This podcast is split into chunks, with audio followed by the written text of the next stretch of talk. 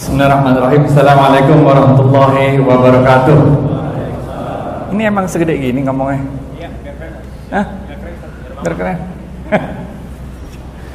Baik jamaah salat zuhur rahimahullah Ini pertemuan kita yang ketiga. Yang pertama kita udah bahas bahwa Islam bisa dibagi menjadi tiga Kajiannya. Yang kajian pertama namanya kajian Ada yang ingat?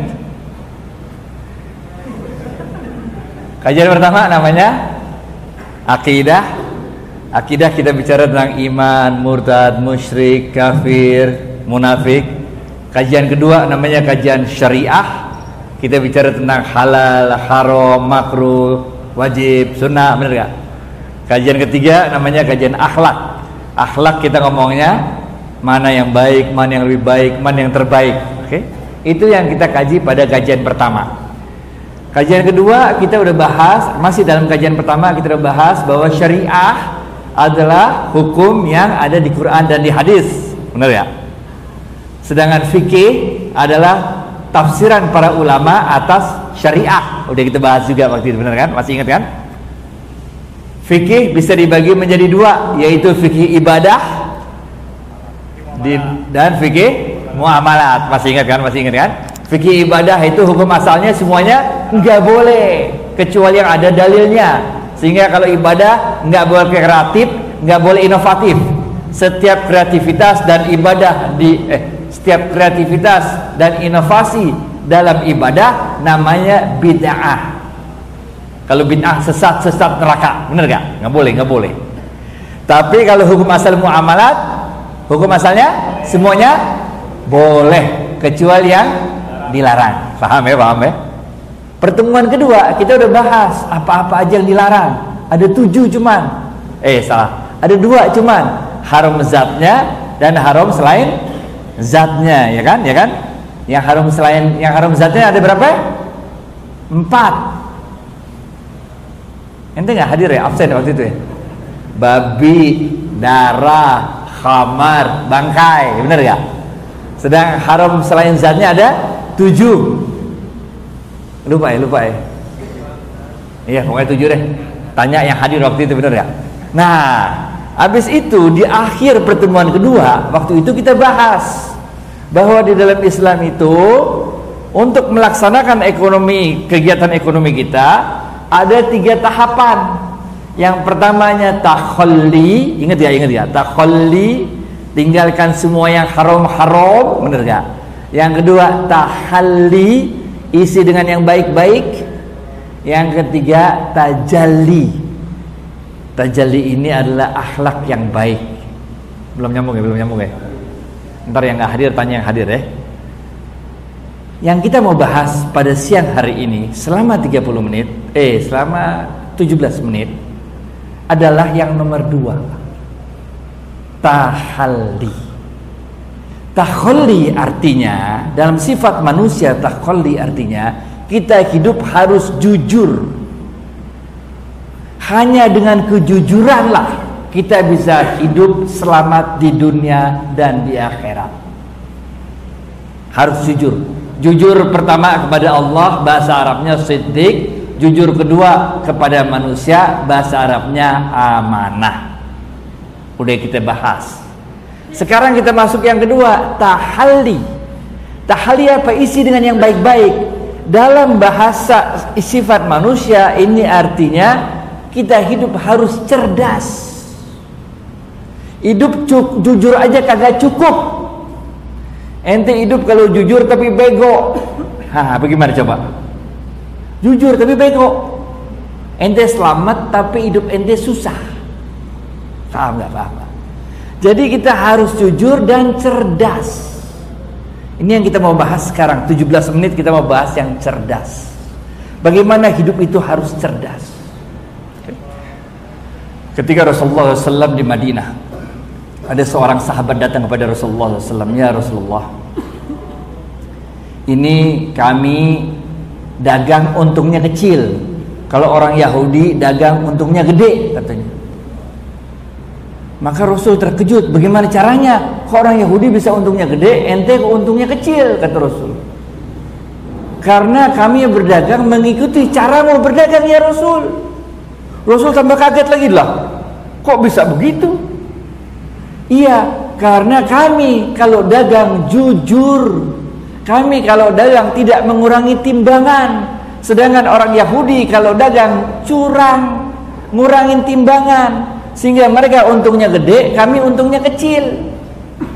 Rasul ketika mendapat jawaban ini dari sahabat, apa jawaban Rasul? Rasul mengatakan caramu berdagang salah. Maukah engkau ku beritahu bagaimana cara berdagang yang benar? Ada yang tahu apa kelanjutan jawaban Rasul? Gocap. Dan tunjuk tangan. Yang tahu jawaban Rasul? Gocap. Ya. Gocap buat ente gocap. Emang ini udah bahas minggu lalu belum kan? Kok tahu?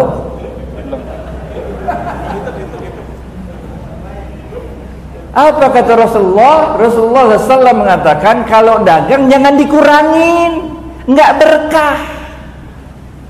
Kalau dagang ditambahin. Ini sahabat kagak banyak tanya lagi, dia pulang mulai besok dia kalau dagang selalu nambahin. Walhasil apa? Dalam tempo dua tahun dominasi ekonomi orang-orang Yahudi di pasar Madinah dapat dikalahkan oleh para pedagang Islam. Apa rahasianya? Dua. Yang pertama orang ngomong dari mulut ke mulut, kalau belanja di tempat orang Islam aja, satu kilonya berat. Kalau tempat orang Yahudi satu kilonya enteng. Kalau tempat orang Islam satu kilonya banyak. Kalau tempat orang Yahudi satu kilonya dikit. Tadinya beda antara satu kilo sama sembilan on nggak berasa. Ketika ditambahin bedanya antara 1,1 kilo sama 9 on berasa.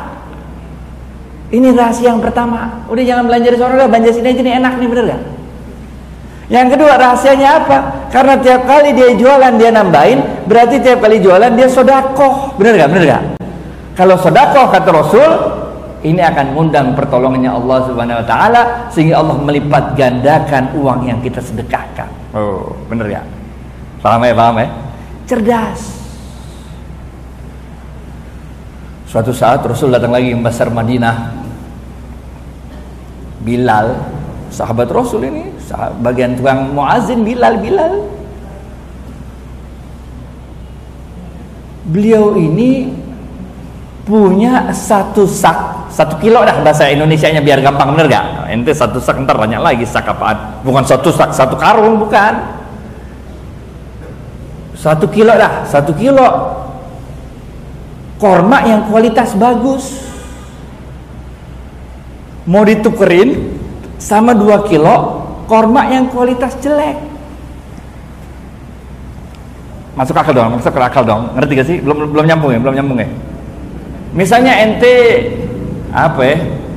Pertamax Plus ente mau tukerin sama premium dah gitu.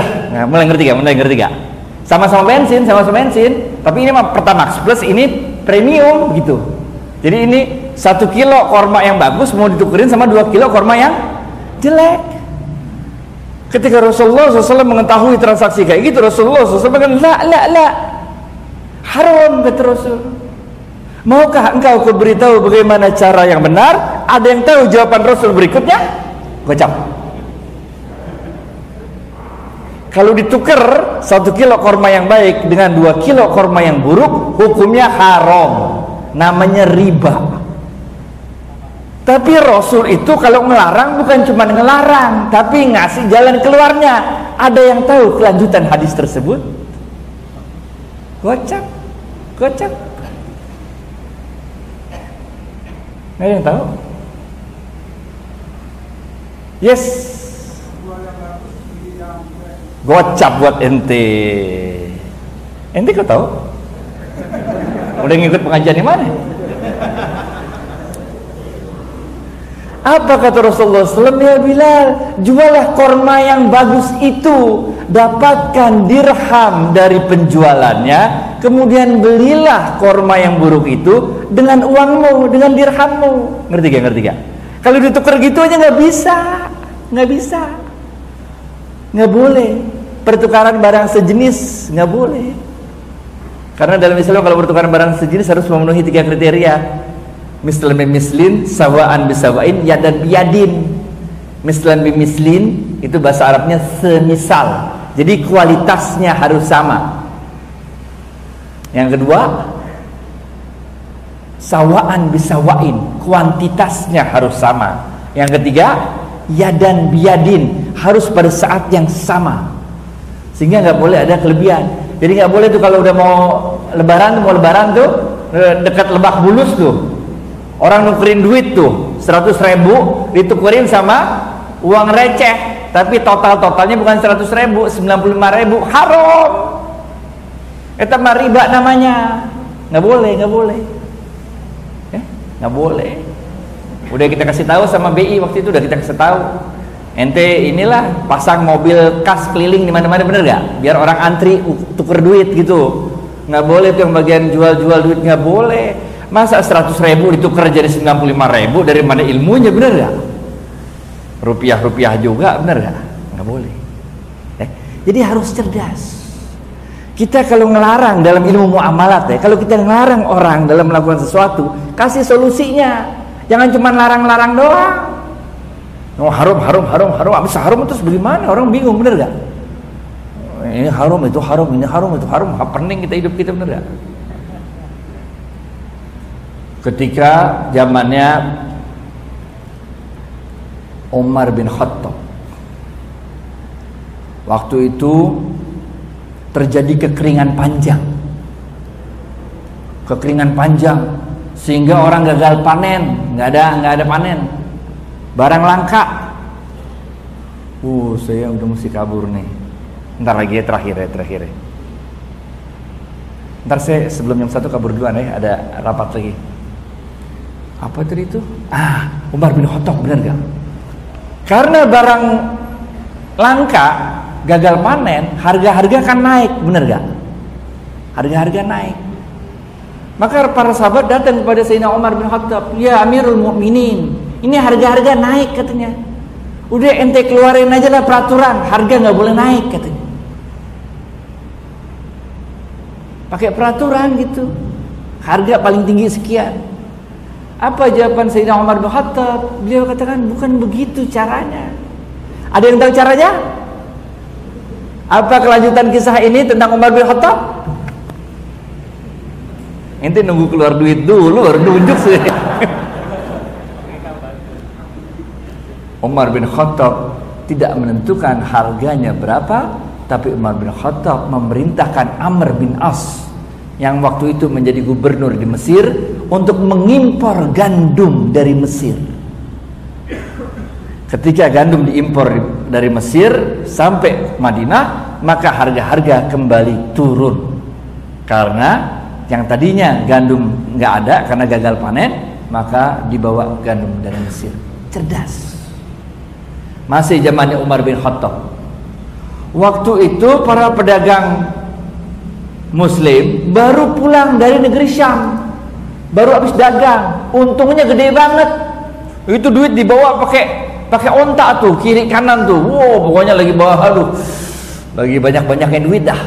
Sehingga waktu itu dia Madinah tiba-tiba pasokan uang jadi melonjak. Ngerti gak? karena tahu-tahu bawa pakai onta datang rame-rame bawa duit bayangin gak sih duit masuk Madinah rame-rame itu bininya, itu anaknya yang udah kagak ketemu bapaknya tiga bulan kan ketemu, wah dedi dedi ayah apa gitu, abi apalah terserah bener gak? Benar gak? Udah deh itu pada belanja. Walhasil ada tiga komoditi di Madinah yang harganya melonjak. Karena apa? Karena tiba-tiba ada pasokan uang masuk yang banyak ke Madinah sehingga terjadi apa yang kita sebut impulsive buying. Nanti kalau baru dapat THR tuh, pengennya belanja apa enggak? Belanja kan? Kalau dapat baru gaji, pengennya belanja enggak? Enggak ya? Bayar utang ya? Walhasil itu harga-harga pada naik di Madinah. Apa yang dilakukan oleh Sayyidina Umar bin Khattab? Ada yang tahu?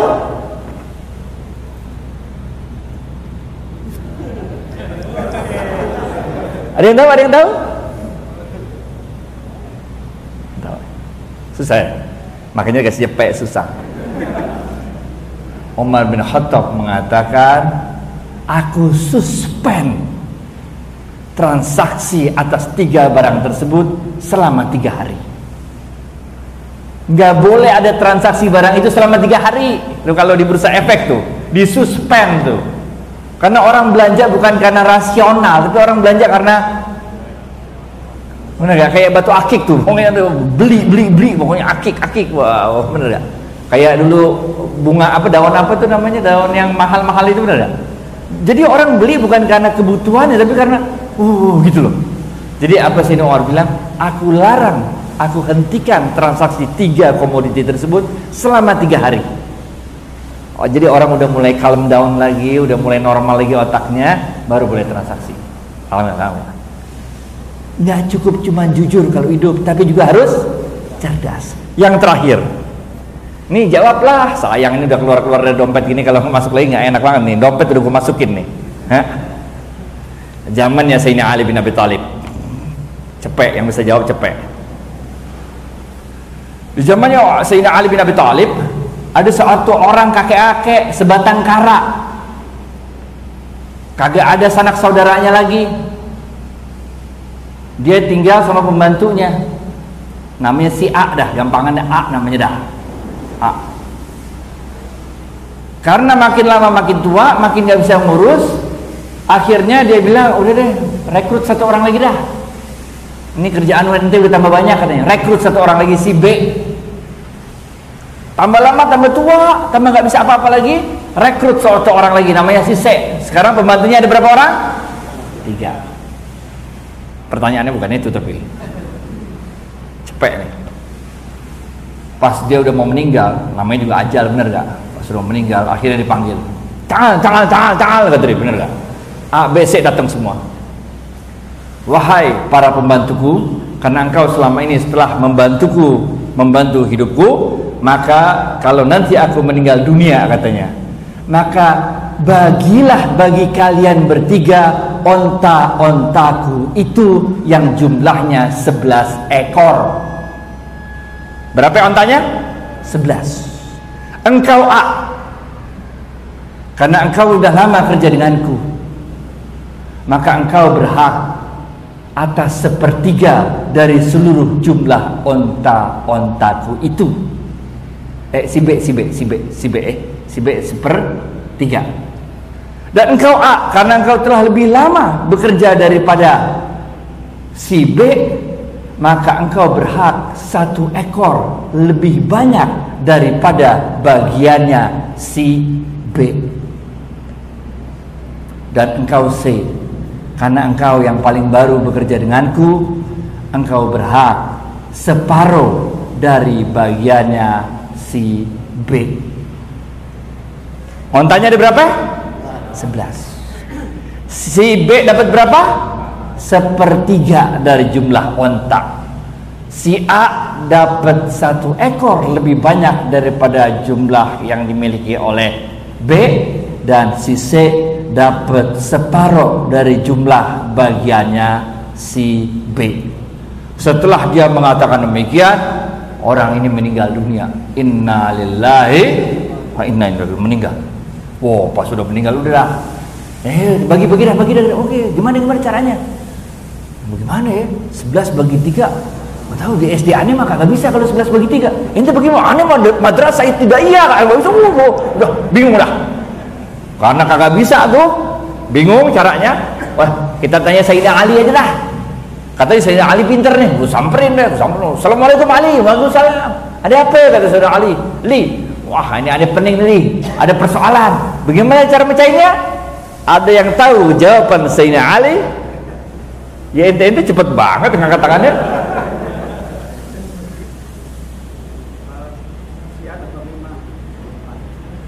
Iya, yeah, lima, terus empat. Bagaimana? Ya? Tapi jangan kayak gitu jawabnya nggak seru bener. Caranya gitu pun itu kayak di Samsung aja dua tiga empat. Bagaimana caranya? Bagaimana? Sehingga nambahin satu ontak, jadi jumlahnya jadi 12 Maka si B dapat sepertiga dari 12 yaitu 4 A dapat satu ekor lebih banyak berarti 5 Si C dapat setengah dari empat yaitu dua jumlahnya berapa sebelas tadi dua belas otaknya cepet buat ente. Ente googling di mana? Cepet banget deh lihat googlingnya bener gak hello juga. Ada wifi sini ya?